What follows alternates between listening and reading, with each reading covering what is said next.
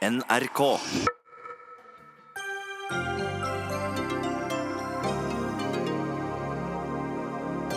Arbeiderpartiledelsen må fratas ansvaret for å håndtere varslinger. Det bør opprettes et eget varslingsråd for å unngå mistanke om maktkamp, mener Ap-veteran. Jeg er sjefen, sier Støre. Men er det ikke egentlig Hadia Tajik som har framsatt et ultimatum? Norge stanser våpensalg til Emiratene fordi våre kuler og granater blir brukt, kan bli brukt, i Jemen. Og ikke heter det fjelltur lenger, nå heter det topptur. Og ikke heter det fjellski, men nå er det randonee som gjelder. Hva skjedde?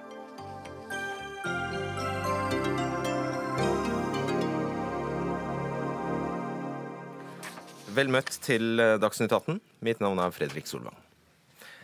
Det har vært det har vært én kvinne som gjennom hele Giske-skandalen i Arbeiderpartiet har sagt hva hun mente om ledelsens behandling. Tidligere byråd, kommunalråd, kommunaldirektør, kulturdirektør i Oslo og leder av Europabevegelsen, for å nevne noe. Gro Ballas har kritisert Jonas Gahr Støre og Anniken Huitfeldt i harde ordelag. Hun har også hudflettet Trond Giske for ikke å legge alle kort på bordet, og dermed spare kommende varslere. Gro Ballas, varamedlem til Oslo bystyre for Arbeiderpartiet. Hva var det du reagerte på når det gjaldt den første håndteringen av de første varslene om Trond Giske? Ja, Du bruker sterke ord, da, men eh, jeg reagerte, som du sier, eh, først. Ikke på varslene, for jeg visste ikke engang at det kom noen varsler. Jeg reagerte på eh, at man hadde et utspill som det ble lekket fra i stortingsgruppen, hvor Anniken Huitfeldt og partisekretær Stenseng, begge to, eh, hevdet at én, det er lov til å gå på en smell. To, eh, varsling brukes i valgkamper. Mm. Og dermed var denne saken i gang, gitt? Ja, og det som skjedde da, var at det kom varsler. Sånn at i ettertid så kan man jo undre seg over om det var noen som visste at det var noe som var i gjære. Det høres kanskje lett konspiratorisk ut å si, men eh, det virker som om pressen da hadde jobbet med dette en stund. Allerede den 21.12. skrev du på Twitter at uh, tidligere Industri- og energileder Leif Sande spådde opprør om Giske må ut av ledelsen. Da skrev du han er langt ute på jordet. Skremmende at han får støtte av noen. Hvordan kunne du konkludere så tidlig? Jeg konkluderte ikke med at Giske måtte gå. Jeg har i grunnen prøvd å unngå å bruke navnet Trond Giske i det hele tatt i mine kommentarer. Men hvordan noen så tidlig kunne si at dersom et eller annet skulle komme opp, så ville man forsvare det uansett, det reagerer jeg på. Og grunnen til det er at det er varslerne i dette systemet. Og dette har en lang historie både i fagbevegelse og Arbeiderpartiet, som er den svake part. For en del år siden så var det ikke engang mulig å ta opp noe sånt. Eh, det straffet seg ganske fort. Jeg vil si at det er blitt mye bedre. Jeg har vært ute av politikken ganske lenge. Kom tilbake og føler at det er et mye, mye bedre miljø, og ting er annerledes. Men at siste skanse i likestillingen ennå ikke er erobret, det er jeg helt overbevist om. Ja, La oss ta det. Du skriver i en kronikk i Dagbladet 29.12. med tittelen 'Oppgjørets time er kommet', også i arbeiderbevegelsen. Og I den beskriver du altså en partikultur som eh, har gjort det vanskelig, for ikke å si nærmest umulig, å ta opp slike ubehagelige ting. Mm. Sånn har det vært. Altså, vi skrev eh, en bok om dette i 1981. Eh, det var mange temaer som ble berørt. Mange likestillingstemaer. Leser du den i dag, så er det stort sett selvfølgeligheter. Vi tok også opplevde den gangen kalte seksuell sjikane. Og den boken ble boikottet av LO. Fagforbundene fikk beskjed om å ikke kjøpe den inn. Sånn at de eneste som skrev om den boken, det var selvfølgelig fint for salgshallene, det var avisene den gangen. Nettopp. Eh, er dette særegent, vil du tro, for arbeiderbevegelsen, for Arbeiderpartiet? Du spør jo hvem vil være den første som ødelegger for arbeiderbevegelsen, som man har valgt å kjempe, til å kjempe for? Ja, det var et kjempedilemma. Men det vi skrev om den gangen, det var seksuell sjikane i arbeidslivet i det hele tatt. Vi ønsket å få Eh, formuleringer om dette inn i hovedavtalen, slik at kvinnelige arbeidstakere hadde en helt annen beskyttelse. Så jeg tror dette gjelder i mange politiske partier. Det har vært på mange arbeidsplasser, og det har en sammenheng med hvilken stilling kvinner har i forhold til menn, har hatt i arbeidslivet. Vi hadde nok den naive tro at uh, kvotering og uh, økonomisk uavhengighet osv. skulle føre til at dette nærmest opphørte av seg selv, men det har det jo tydeligvis ikke gjort. La oss gå tilbake til uh, kronologien her. Den uh, 22. desember uh, kom jo da altså beklagelsen. Da var både Trond Giske og Jonas Gahr Støre på Dagsrevyen. Mm. Da skrev du at Giske, når han selv sier at det kan komme mer, burde legge alle kort på bordet, slik at han da sparte kommende varslere. Hva mente du med det? Jeg mente at han sa selv at det kommer mer. Og da syns jeg han kunne fortalt i hvert fall det han husket om det. Ikke nødvendigvis til Dagsrevyen, men internt i partiet. Og jeg vet jo selvfølgelig ikke om han har gjort det. Og eh, det burde på en eller annen måte komme frem, fordi at det å varsle er kjempetøft. Og jeg er helt sikker på at det er mange fremdeles som ikke tør å varsle, og det gjelder ikke nødvendigvis bare han. Eh, fordi det er en veldig belastning. Man føler skyld, man føler skam. Eh, man er redd for at det skal bli kjent, og man er, selvfølgelig redd for at man ikke skal bli trodd. Mm. Derfor var det jo så bra at vi i hvert fall har hatt Hadia Tajik, som har stilt seg helt på varslernes side i denne saken, uh, uten forbehold. Det er jeg veldig, veldig glad for. La oss ta det siste som uh, har skjedd her nå. Rett før sending la Aftenposten ut en tekst fra en av de jentene som har varslet. Der hun eh, altså skriver den største krenkelsen jeg selv opplevde som 18-åring, handlet ikke isolert om opplevelsene med Trond Giske. Ydmykelsen oppsto av å stå fullstendig alene i etterkant. Mm, det kan jeg forstå. Altså, jeg tror ikke vi er noe særlig flinke til å ta vare på varslere. Det tror jeg gjelder i arbeidslivet også. For det første er det vanskelig å komme fram. Eh, når det gjelder eh, seksuell trakassering eller ubehagelig oppførsel, så er jo heller ikke det eh, Det skal ikke rettsliggjøres. Det er et rettstomt rom. Og det er jo rett og slett fordi at det er helt umulig ofte å bevise. Dessuten så handler eh, trakassering i politikken verken om arbeid eller inntekt, men det handler om manglende vurderingsevne. Det handler om å ha tillit til en person som skal representere oss. Eh, det gjør at, saken, at disse sakene da, er veldig vanskelige. fordi det skal jo være summen av mistilliten som eventuelt fører til konsekvenser. Og for varslerne så har ikke de noe alminnelig vern, slik som f.eks. varslere har etter arbeidsmiljøloven. Hva tenker du om at denne kvinnen eh, spør seg selv hva var hensikten med å sende inn varsel om eh, Aps nestleder Trond Giske, og hva har det kostet?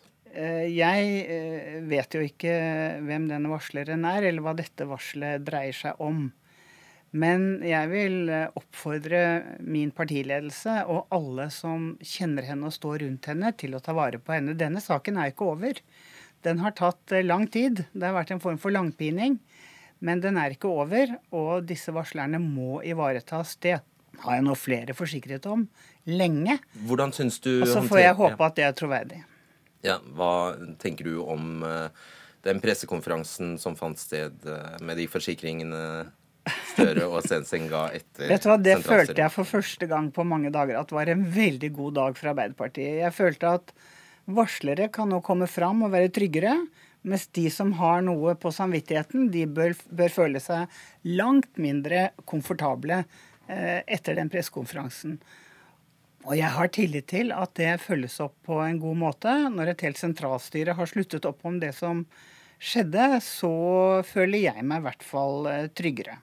Likevel er du også her for å lansere et nytt forslag, fordi du sier at eh, for fremtiden så kan det ikke foregå slik det gjør i dag? Nei, eh, jeg føler at når mennesker med makt, altså den høyeste makten, enten det gjelder i et fylke eller på sentralt nivå, sitter og nærmest saksbehandler varslersaker, enten du er valgt partisekretær eller i dette tilfellet også lederen, så vil det alltid utløse en eller annen form for mistenkeliggjøring rundt at dette er uh, en eller annen form for uh, maktkamp. Så da har jeg tenkt at hvis man f.eks. sentralt, og også i fylkene, uh, opprettet en form for varslerråd, slik man har i mange bedrifter, hvor man f.eks. hadde ja, en litt eldre person som på en måte var nærmere fremtiden, nei, fortiden enn fremtiden, for å si det sånn. Uh, og kanskje en med noe juridisk kompetanse. Det kan trengs. og et par-tre eller en eller to andre som har tillit, ble valgt inn sammen med en eller annen form for sekretariat til å saksbehandle varsler, eh, varslene som kommer inn. Og ivareta varslerne i første omgang. Og så er det selvfølgelig partiledelsen som må avgjøre sakene. Og det må behandles der. Men det å drive saksbehandlingen fra A til Å, når det oppstår så mye skitt rundt, og prat og alt mulig, Eh, rundt, eh, rundt eh, sakene før de er avgjort, det tror jeg vi vil være tjent med å slippe. Tusen takk skal du ha. Ja. Gro Barlas.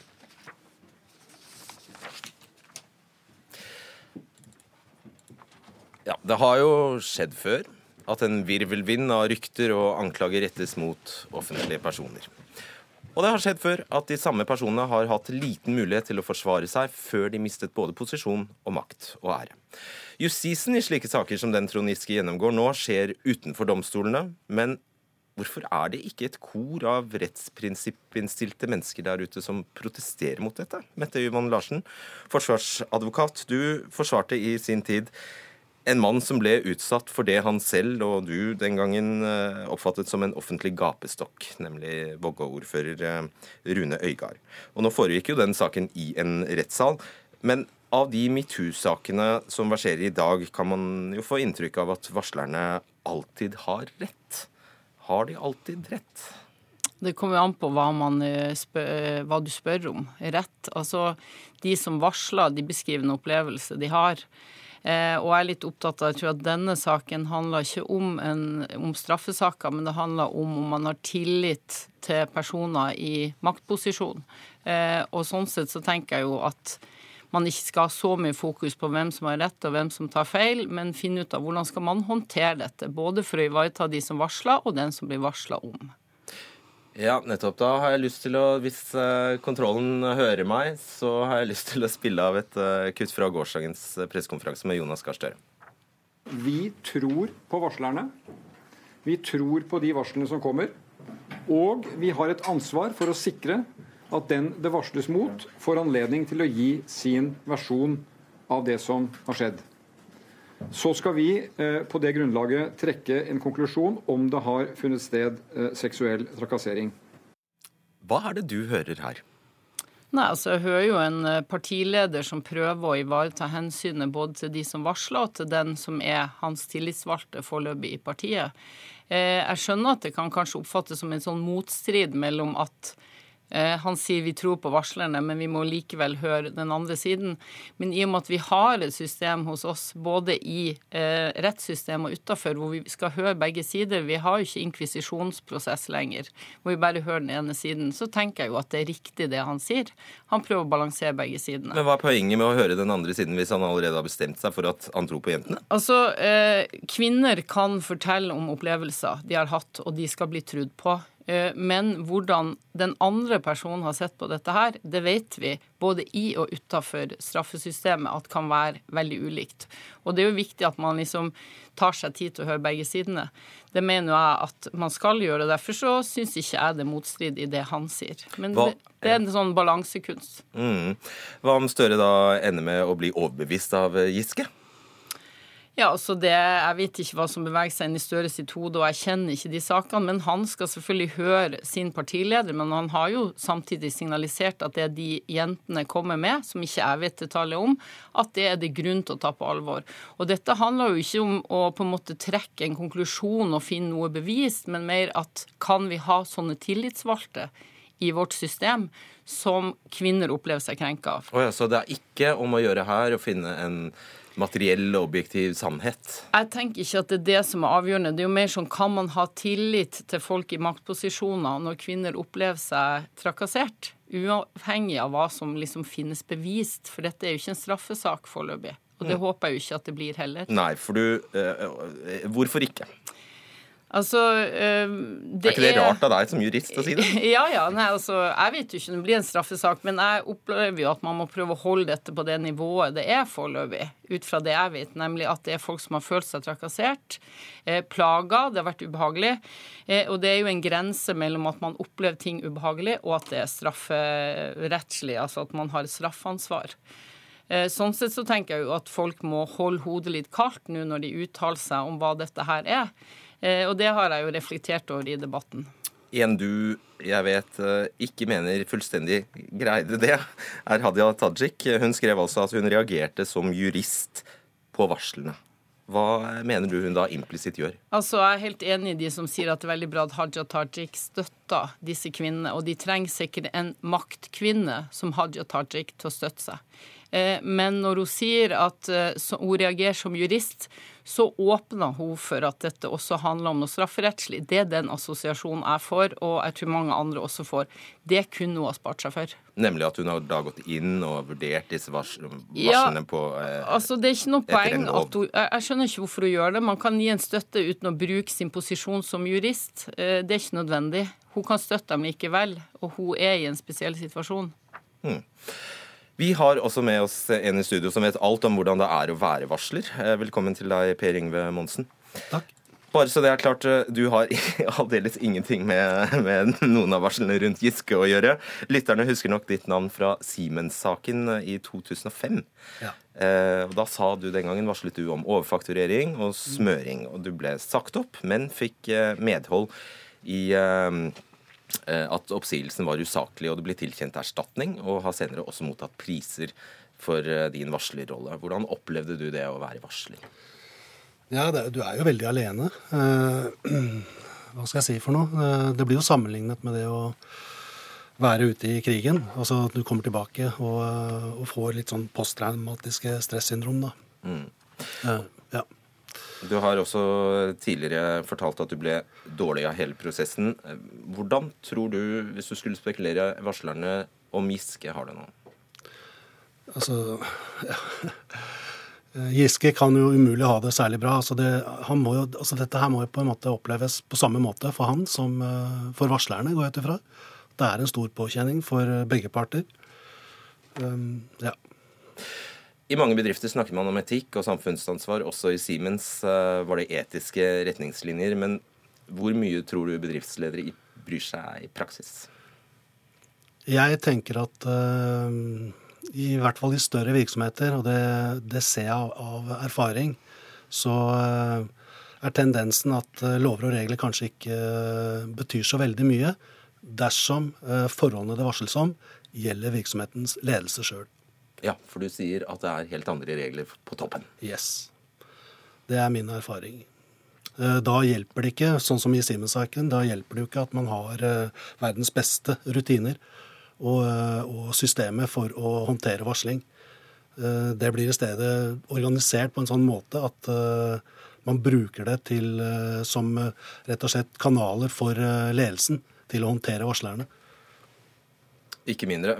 Hva kan det komme av?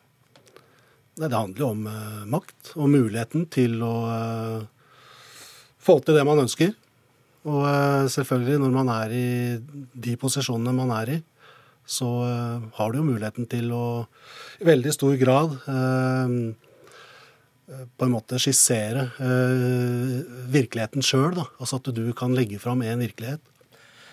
Er det bedre lenger ned i hierarkiet? Det tror jeg nok, i forhold til i hvert fall sånn som varsler, altså paragrafen og alt det som er blitt lagt opp til nå siden 2007, eh, eh, så vil jeg vel tro at eh, rutiner og sånt nå har blitt bedre.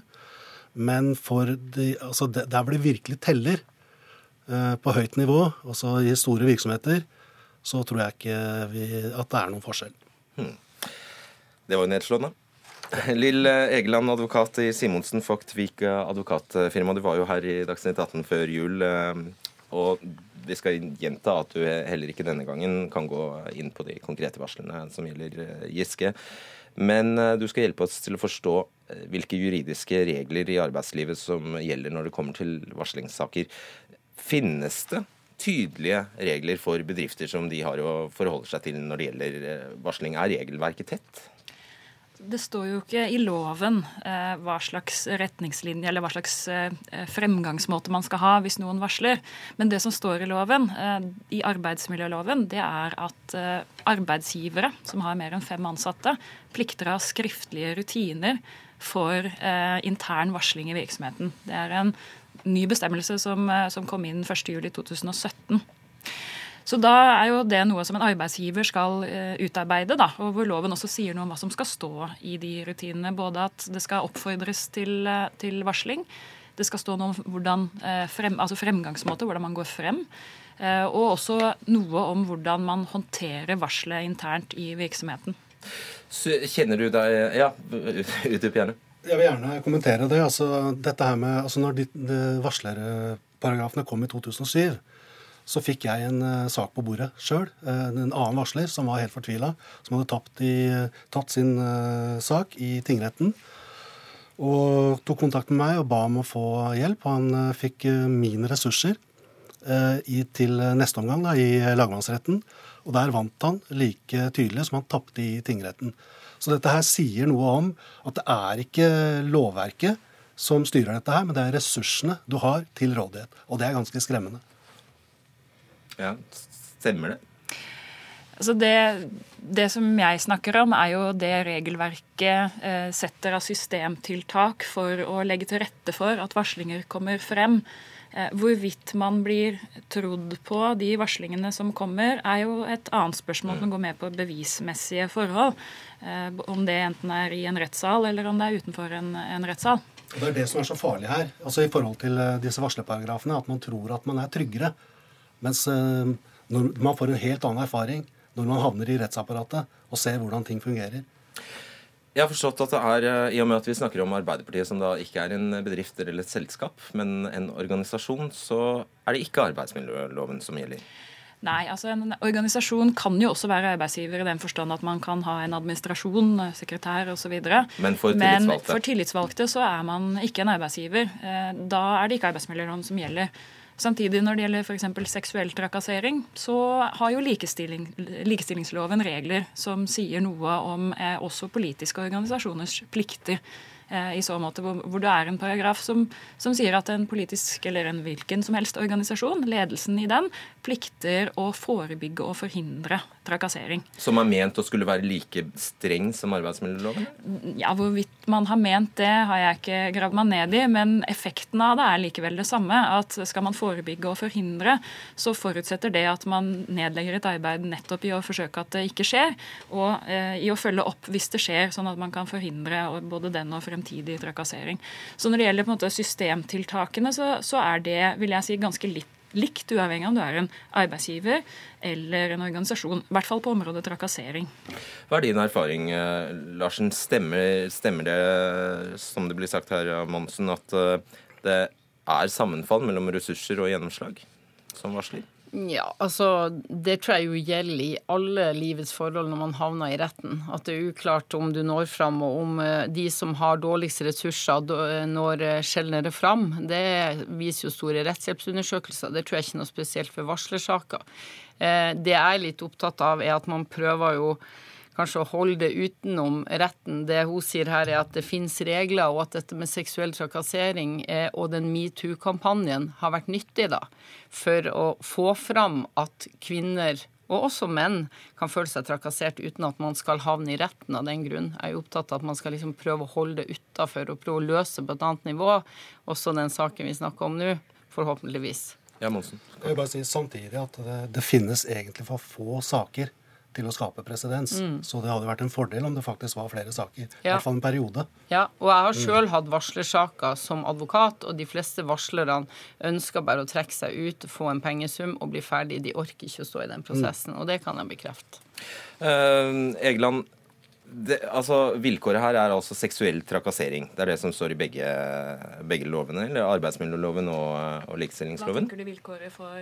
Altså, om det, uh, altså, det er et lovbrudd hvis det har forekommet seksuell trakassering. Er det, er, er det formuleringen som finnes i loven? Eh, ja, altså I likestillingsloven så definerer man seksuell trakassering. og Oppfylles vilkårene der, så har du brutt loven. Eh, I arbeidsmiljøloven så definerer man ikke trakassering som sådan, men man bare bruker begrepet. Eh, uten at det defineres, da. Ok, For da lurer jeg på en, en ting. Hva om, og denne, denne historien er ikke bekreftet av Giske, men hvis det er slik VG skrev om, at en ung kvinnelig servitør på en Fafo-fest blir forsøkt sjekket opp av en dobbelt så gammel mann som sender henne tekstmeldinger om natta. Kan det kategoriseres på noe som helst vis som seksuell trakassering? Ja, Da begynner vi å gå inn i veldig eh, konkrete saker, da. Men igjen så vil man måtte inn og se på de eh, momentene som ligger i om noe er eller ikke er seksuell trakassering. Hvor man både ser på grovheten av den handlingen som foretas, man ser på maktforholdet mellom partene, man ser på om det har skjedd flere ganger osv. Og, så og hvorvidt en sånn type hendelse som det er seksuell trakassering etter loven eller ikke. Ja, Det syns jeg er veldig vanskelig å konkludere med på en måte her og nå. da. Jeg, ja. Mm. Da tror jeg vi sier at det var et fint punktum. Takk skal dere ha. Mette Yvonne Larsen, Per Yngve Monsen og Lill Egeland. For eh, under gårsdagens eh, pressekonferanse sa Arbeiderpartileder Jonas Gahr Støre flere ganger at eh, det er han som tar avgjørelsen om Giske fortsetter eller ikke. Med andre ord, det er meg som er sjefen, sa han. Men er det virkelig Støre som sitter i førersetet i denne saken, eller er det egentlig Hadia Tajik? Vi har med oss Marie Simonsen, kommentator i Dagbladet, og Jan Arild Snoen, kommentator i Minerva. Dere skriver begge i dag at Støre må velge mellom Tajik og Giske. Simonsen, du skriver til og med rett ut at han må velge Tajik. Hvorfor det? Eh, det var det vel faktisk noen som eh, skrev. Ja. Eh, men, oh, ja. men, men, men, her er jeg helt enig med Jan Marius nå. Ja, surprise, surprise.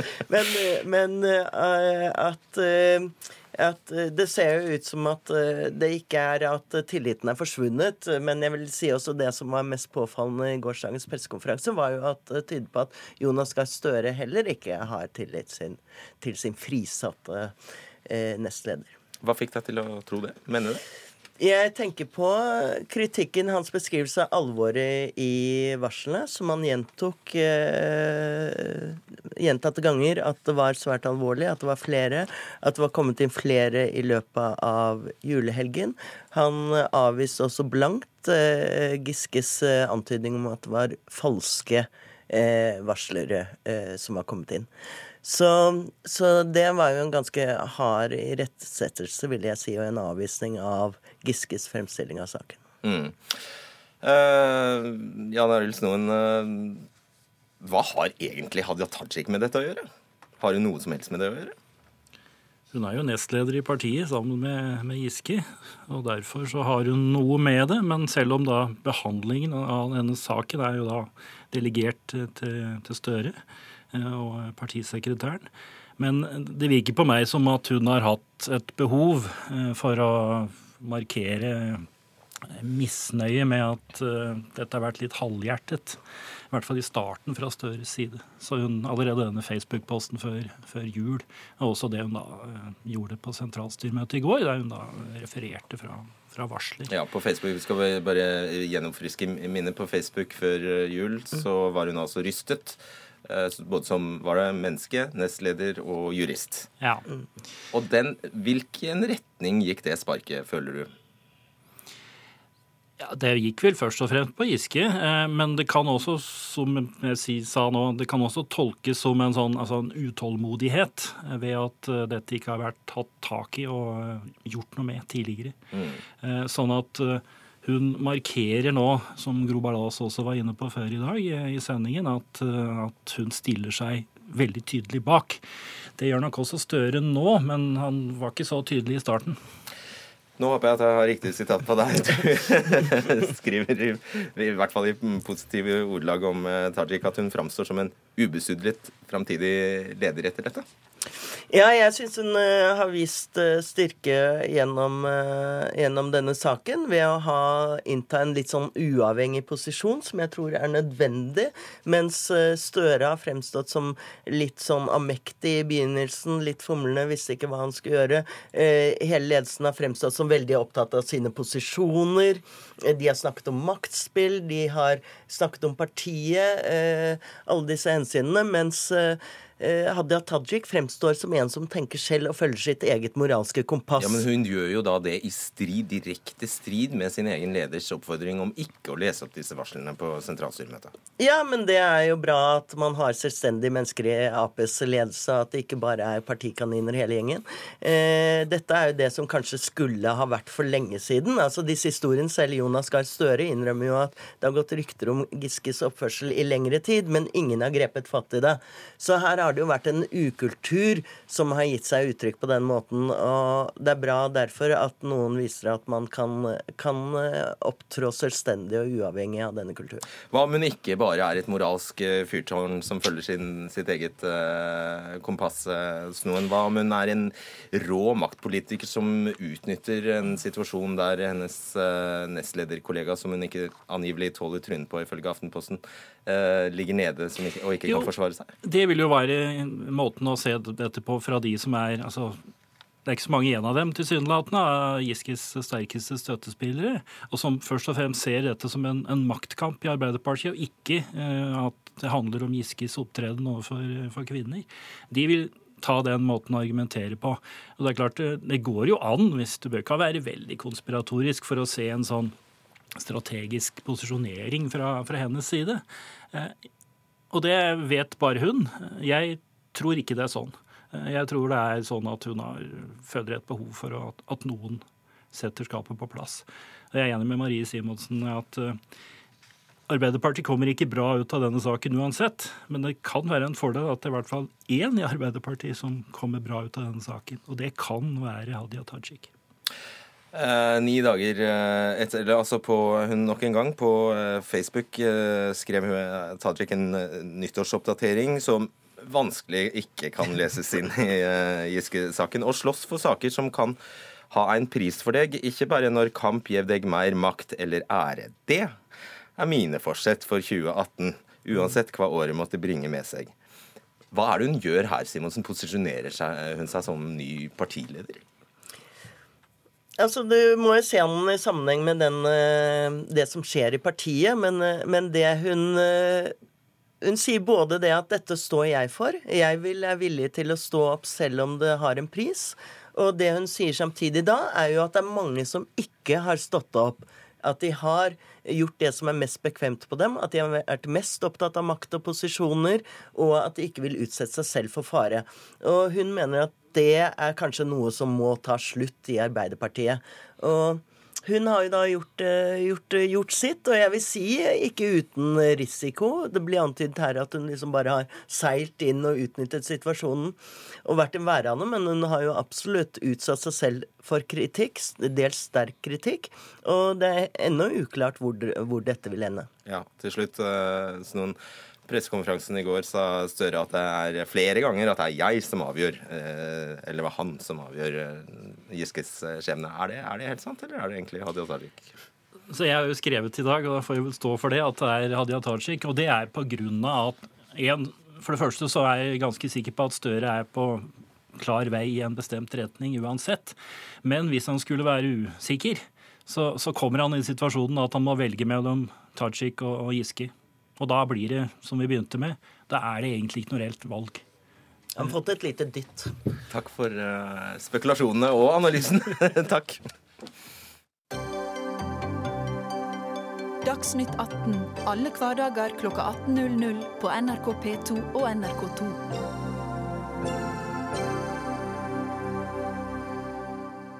I dag stanses, eh, stanset Utenriksdepartementet våpeneksporten til De forente arabiske emirater. Og Det er fordi de ikke kan være sikre på at norske våpen ikke blir brukt i Emiratenes krig i Jemen. Og Dermed suspenderes lisenser som allerede er gitt, og det vil ikke innvilges nye. Snart skal saken om våpeneksport, også kalt eksportkontrollmeldingen 2016, fremmes i Stortinget.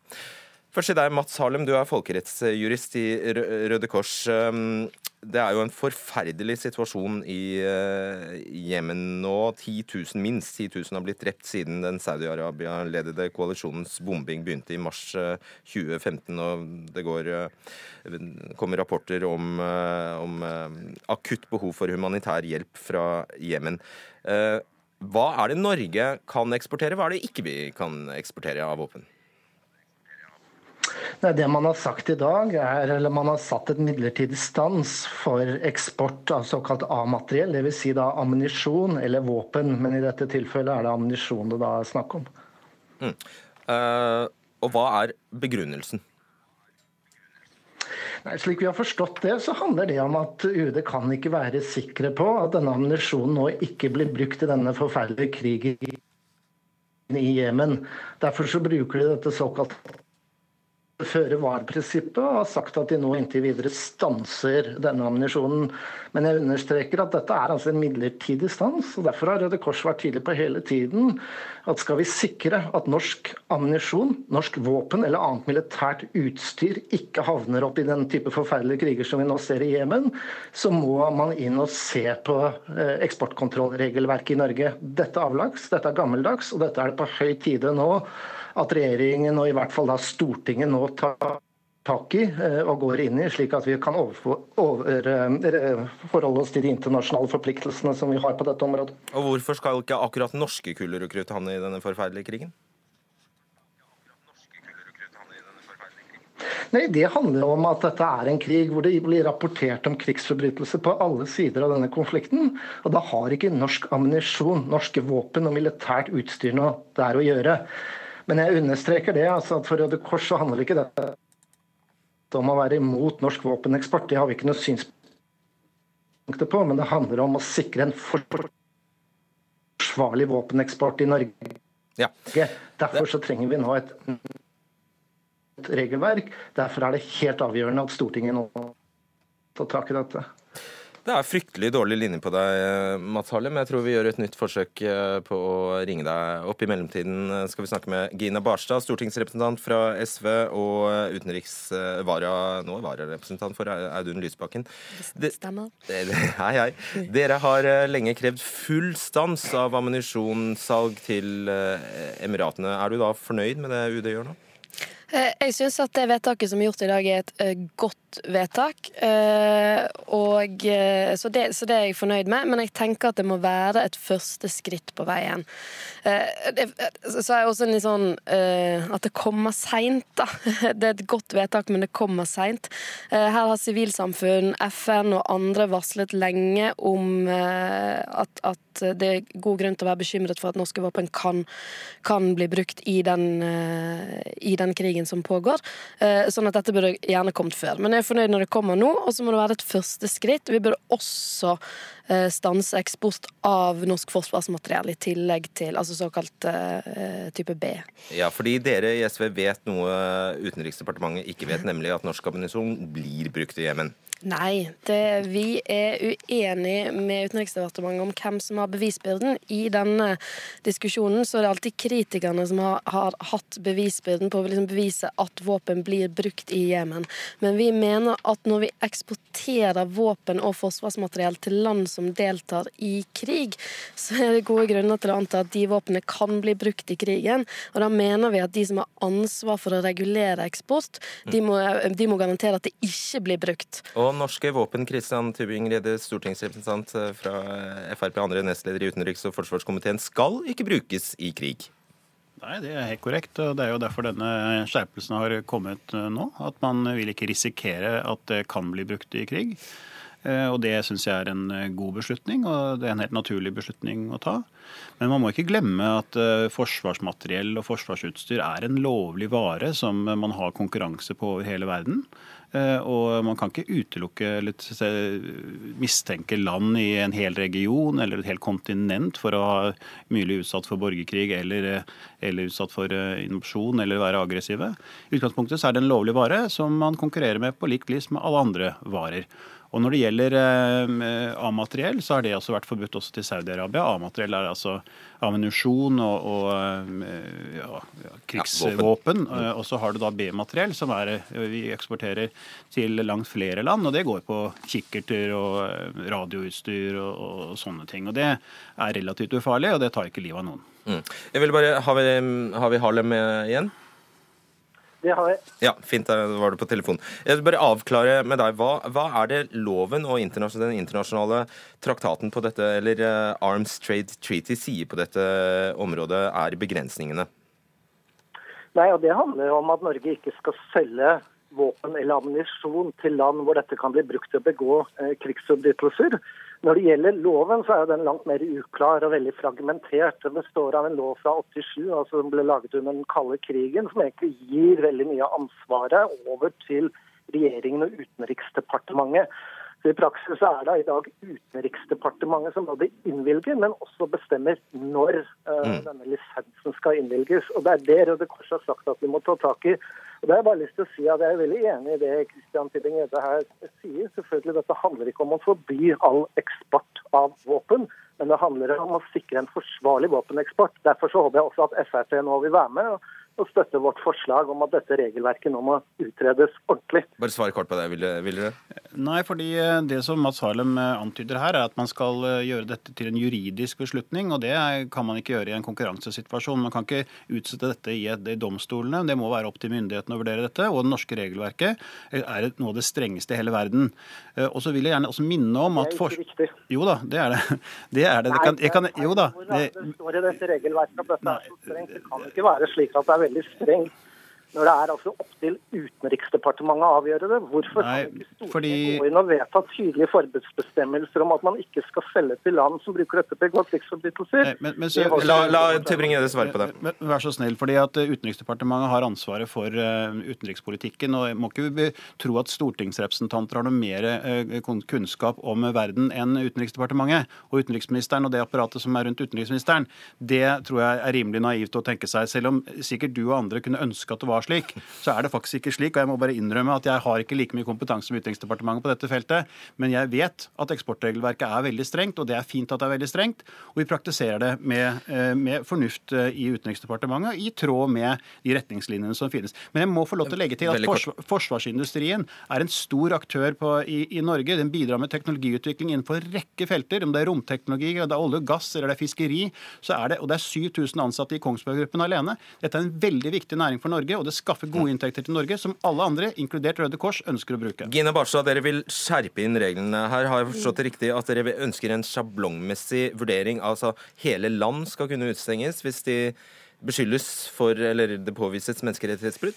Så det er dokumenterte krigsforbrytelser, som det jo er i situasjonen i Jemen, så tenker vi det, ja. Og jeg vil bare legge til at, at eh, sånn type B-materiell er ikke nødvendigvis ufarlig, det heller. Det kan brukes til å samordne eh, tropper som utfører krigshandlinger. Det kan være optiske hjelpemidler som hjelper soldater med å finne mål. Derfor er det også problematisk å bidra med det i kriger som vi vet bryter internasjonal humanitærrett.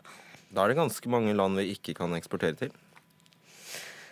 Eh, Det, det er en fordel å ha et strengt eh, regelverk på hvor vi skal sende våpen. Det handler jo eh, også om å bidra til en, en mer rettferdig verden, tenker jeg. Det er klart at, at det er mange konflikter som er vanskelige, men i denne situasjonen så handler det jo om en helt spesielt eh, brutal krig i Jemen, som er det forslaget som vi har lagt i bordet nå. Mm. Til slutt, uh, Tybring-Gjedde, Tallene for våpeneksport eh, for 2016 viser at Norge økte eksporten av våpen til eh, Emiratene og sendte eh, våpen dit for 100 millioner eh, kroner. Er det, er det ingen eh, røde lys som, eh, som blinker da når eksporten øker i takt med konflikten i Jemen? Jo, det er det er akkurat det det har gjort. Ja, men det tar jo så mange år. Ja, vel. 2016 har jo kommet til 2018 i januar, så det er jo sånn det man ser på statistikk. Men eh, vi har registrert at, eh, at denne krigen ikke er forenlig med å eksportere norsk eh, A-materiell til UAE, og det har- jeg er en god beslutning. Men vi må legge til at komponenter til forsvarsindustrien det er systemer som er sammensatt av produksjon i mange land, som gjør at man kan selge systemer f.eks. komponent til USA, som har et annet eksportregelverk enn Norge, som igjen reeksporterer til en, en, en tredjenasjon. Da er vi nødt til å forholde oss til det amerikanske eksportregelverket. Så det er et ganske komplisert system, og vi står ikke alene her i verden. Vi er nødt til å forholde oss til andre nasjoner. Vi av dette at det blir et langt enklere eksportkontrollregelverk. og Det bare noterer jeg meg at Fremskrittspartiet altså ikke er interessert i å prøve å stoppe den form for eksport som vi nå ser til Jemen. Vi må- vi, vi sa jo akkurat det.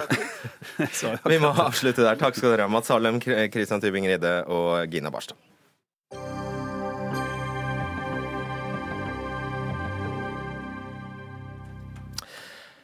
Det er godt å være kunde og forbruker i Norge i dag. Vi jubler over lengre åpningstider og varer kjøpt på nett som kan sendes allerede dagen etter. Utviklingen fører også med seg ugunstige arbeidstider. For småbarnsforeldre kan det fort bli vanskelig å få hente- og leveringskabalen i barnehagen til å gå opp, hvis arbeidstiden begynner før barnehagen i det hele tatt har åpnet. Samtidig må arbeidsplassen ha folk på jobb, slik at driften går rundt.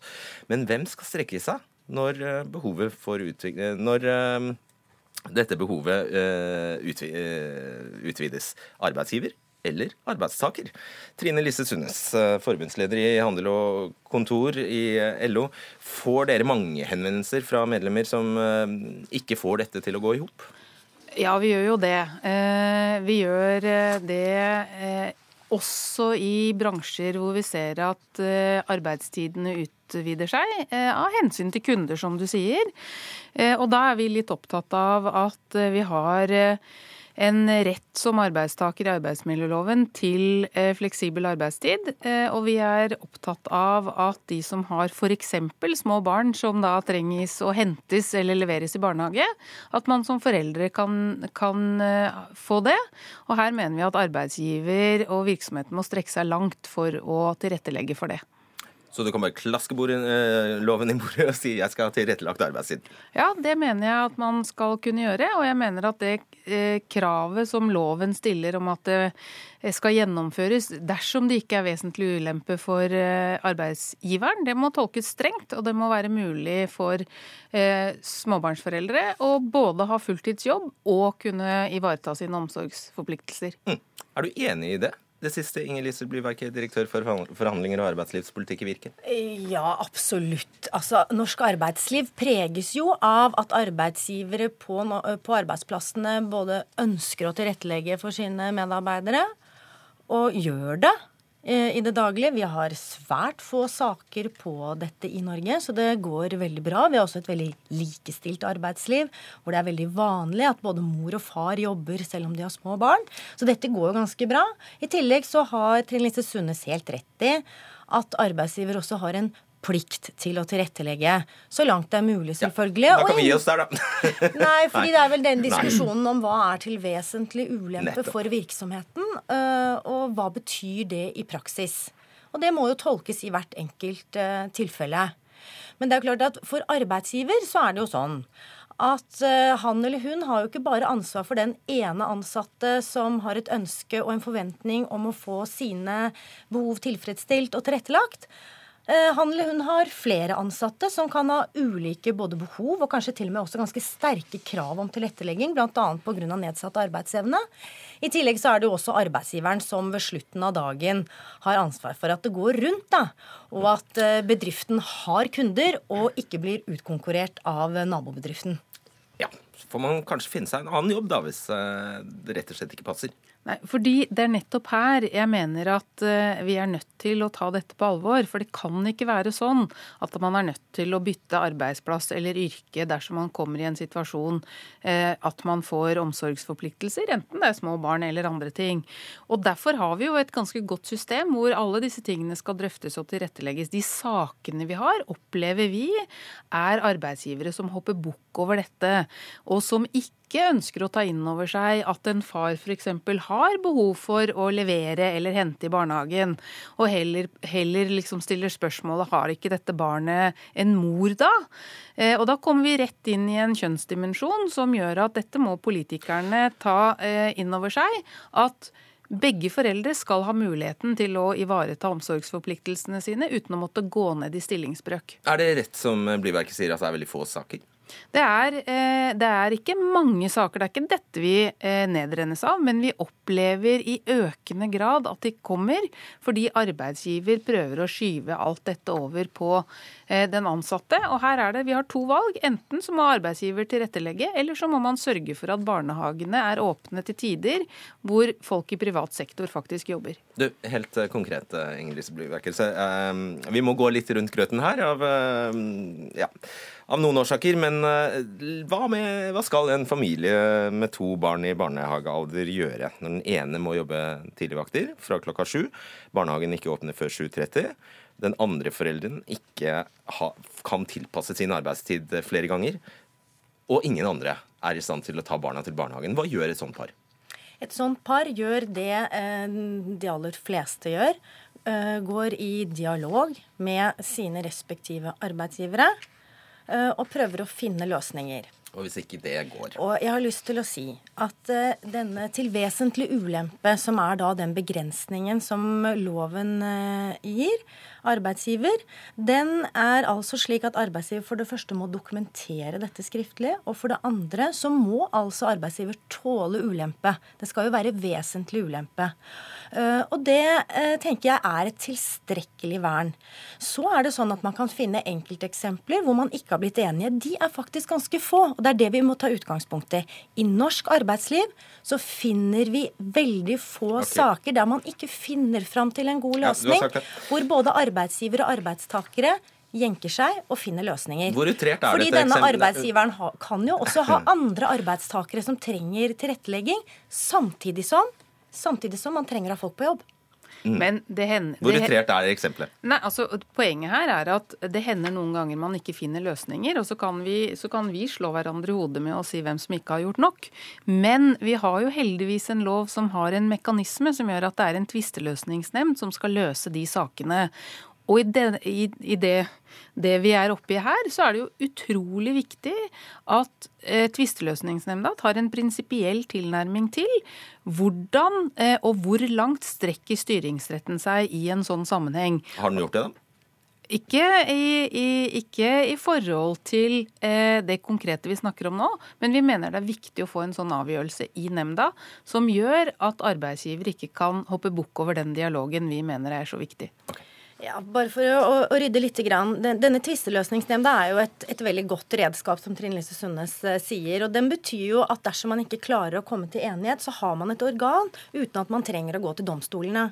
Eh, men det er også slik at denne nemnda behandler den konkrete saken. Så får ikke noen presedens for andre. Ikke nødvendigvis, og det er vanskelig å si at man skal, eh, man, man skal legge til grunn at det blir en prinsipiell avgjørelse, men det blir en konkret vurdering. Og det gjøres i en god del tilfeller.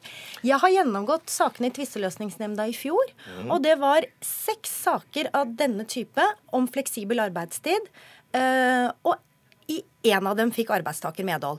Det betyr at det jeg sier, faktisk stemmer. Norske arbeidsgivere er vant til å strekke seg langt for å finne gode løsninger sammen med sine arbeidstakere. Hurra. Takk skal dere ha, Trine Lise Sundnes og Inger Lise Blyverk.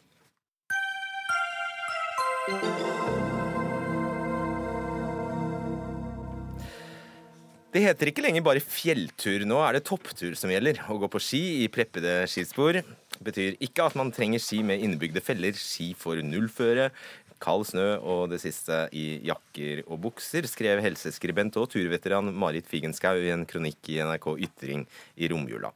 Selv har hun både gått til Sydpolen og beseget fem av de berømmelige syv toppene, men slår et slag for at man kommer langt med det utstyret man har. Hvor, eh, hvor tar du det fra, Marit Figenschou? Jeg tenker at eh, det tar jeg fra mine egne erfaringer. Jeg har helt ordinært utstyr. Jeg syns at jeg kommer meg ganske langt med det. Men eh, du beskriver nesten nærmest at du blir ledd av. Jo, men altså, jeg tenker at i det universet her så syns jeg det er ganske greit å være litt sånn selvironisk, altså. Fordi at selvfølgelig, jeg har ikke randonee-ski, og jeg var på en, en fjelltur i Lyngen som jeg kommer fra da. Og eh, selvsagt må jeg gå de første 200 meterne for å komme meg ned. Men det tenker jeg det er overkommelig, altså. På Hovedpoenget ditt her er at du mener det har blitt et hysteri og altfor stort fokus på eh, nytt og fancy turutstyr. Det stemmer, og det er mitt anliggende. Fordi at liksom norske, norske fjell og på fjell og mellom fjell, det har vi jo alltid eh, liksom besøkt i all tid. Og vi har gjort det med det utstyret vi har. Og det er også et fantastisk eh, opplevelse å være der. Og jeg tenker at det er veldig, veldig mange som, som også kunne hatt gleden av å komme seg dit. Nettopp fordi at jeg ser, anser eh, det friluftslivet som en som helsefremmende aktivitet. Det er masse glede, det er masse entusiasme, det er masse energi, det er masse opplevelser i det. Men så tenker jeg at liksom, når du ser det i utstyrskysteriet som vi ser nå, så tenker jeg at eh, det kan bli et sånt filter for å, å, å begrense tilgjengeligheten for de som kanskje ikke har så mye. Akkurat, ja. Jeg, jeg bare avbryter deg, fordi uh, vi har uh, med oss en forsvarer av utstyrshysteriet. Nei da. Stein Ivar eh, Helsen Mollestad, daglig leder i norskefjell.no. Du snur på det? Ja, altså, jeg, jeg, har full respekt for Marit, og, og gjenbruk og sånn er kjempeflott. Um, Jeg mener ikke at man skal ha det nyeste utstyret, nødvendigvis, men jeg mener at man skal være godt nok rustet til å klare seg på egen hånd. Man har jo eh, Nå har man jo ikke sant, Røde Kors, man har eh, luftambulansen og, og gud og hvermann i løypa, som kan potensielt hjelpe deg. Men man skal likevel være forberedt på å klare seg selv. Um, og der tenker jeg at det er viktig at man ikke, ikke sier at man skal bare gå på tur, men at man gjør de forberedelsene som skal til for å faktisk kunne klare seg på egen hånd dersom det oppstår en uventet situasjon. Ja, og Da skriver jo Figenschou at det er uheldig om det skapes et inntrykk av at utstyret er en forutsetning for å komme seg på tur. Du mener tvert om det bør være et mantra? Ja, absolutt. absolutt. Eh, altså, utstyret er jo eh, ikke sant, Det er det man det er det man overlever på, rett og slett, i, i skogen. Hadde du vært, eller altså på fjellet, hadde du vært naken, så hadde du vært sjanseløs. Uh, du er vel ikke naken, Fingenskar? Bare for å Nei. det regner jeg med. Men hva er det? Uh, ja, bare fullfør. Jo, ikke sant. Og du har eh, Alt utstyr slites jo ikke sant, gradvis. Og, så etter hvert så blir man nødt til å bytte ut utstyret sitt. Og, og alle disse fargene som, som Fingenskag er kritisk til i artikkelen sin, er Eh, er jo også signalfarger. ikke sant? Og det er ikke minst det man har tilgang på i butikken òg, hvis du ikke kjøper Så eh, matchende hjelm og støvler har en hensikt? Eh, ja, altså For min del trenger det ikke være matchende. Men, men, det skal sies at det har jo alltid vært et visst eh, motpress, kan man si det, i fjellheimen. Eh, ikke bare de siste årene, men helt siden altså for 100 år siden, da sant, britiske lorder begynte å begynte å bruke naturen vår som en lekeplass, som det ikke hadde vært før. Eh, i noe særlig grad, men, men, et sted hvor folk mm. jobbet og overlevde. Ja, da gikk man i nikkers og blazer og slips og det som var. Ser du at Kan han ha noen poenger her? Ja, altså, men eh, altså, utstyr eh, er selvfølgelig utstyr viktig. Altså, det er veldig flott å se på. Og, og, og selvfølgelig skal man kjøre, ekstrem gjøre ekstremsport, så er det selvfølgelig påkrevd at man har et ekstra utstyr. Men det er ikke det jeg snakker om. Det jeg snakker om, det er turglede, og jeg tror at turgleden kan du klare å få til med ganske vanlig utstyr. Jeg er sikker på at Gud og hvermannsen har en, et eller annet skip. Ja, men det blir farligere, sier han da. Ja, ikke, altså, jeg syns det er å overdrive. fordi at Eh, jeg tror de aller, aller, aller fleste, apropos sikkerhet, aller, aller, aller fleste har vokst opp med fjellvettreglene. De kom på 50-tallet, og fjellvettreglene er jo en del av ordbruken vår. Vi snakker jo om at det er ingen skam å snu og alt dette her. De ble i stand fordi at det var veldig mange ulykker i fjellet. Og de klarte at veldig mange folk altså, kan de utenat, og de forholder seg til det. Jeg tror at folk, folk flest bruker hodet og kan, kan, eh, kan, orientere seg. Og eh, det betyr jo ikke det at man ikke skal ha utstyr med seg for å klare seg sjøl. For fjellvettreglene ble jo også nå revidert i 2016, og med da mye mer fokus på eget ansvar i fjellet. Og det er fint. Det som er mitt anliggende i dette her, og det er viktig faktisk, for det, det handler også om et miljøaspekt. I 2013 brukte nordmenn 16 milliarder på friluftsutstyr. Det er ganske mye. Og det må være ganske mye av det fantastiske utstyret som står rundt omkring i garasjer og i, i, i, i kjellerboder, som ikke blir brukt. Vi har vel godt av å det, Mollestad? Eh, dette er jo bare noe jeg tror, men jeg tror ikke at man kaster fjellutstyr. Eh, altså Fjellutstyr er jo kjempepopulært på Finn, f.eks. Eh, jeg tror det er et veldig mindre tall som, som, kjøper utstyr for så å la det stå og støve ned. Jeg snakket med, med, luftambulansen, som kunne fortelle at, at skredsøkere de siste årene så selges det 10 000-12 000 skredsøkere i året. Mens for bare ti år siden så var det en et par tusen kanskje, som ble solgt årlig.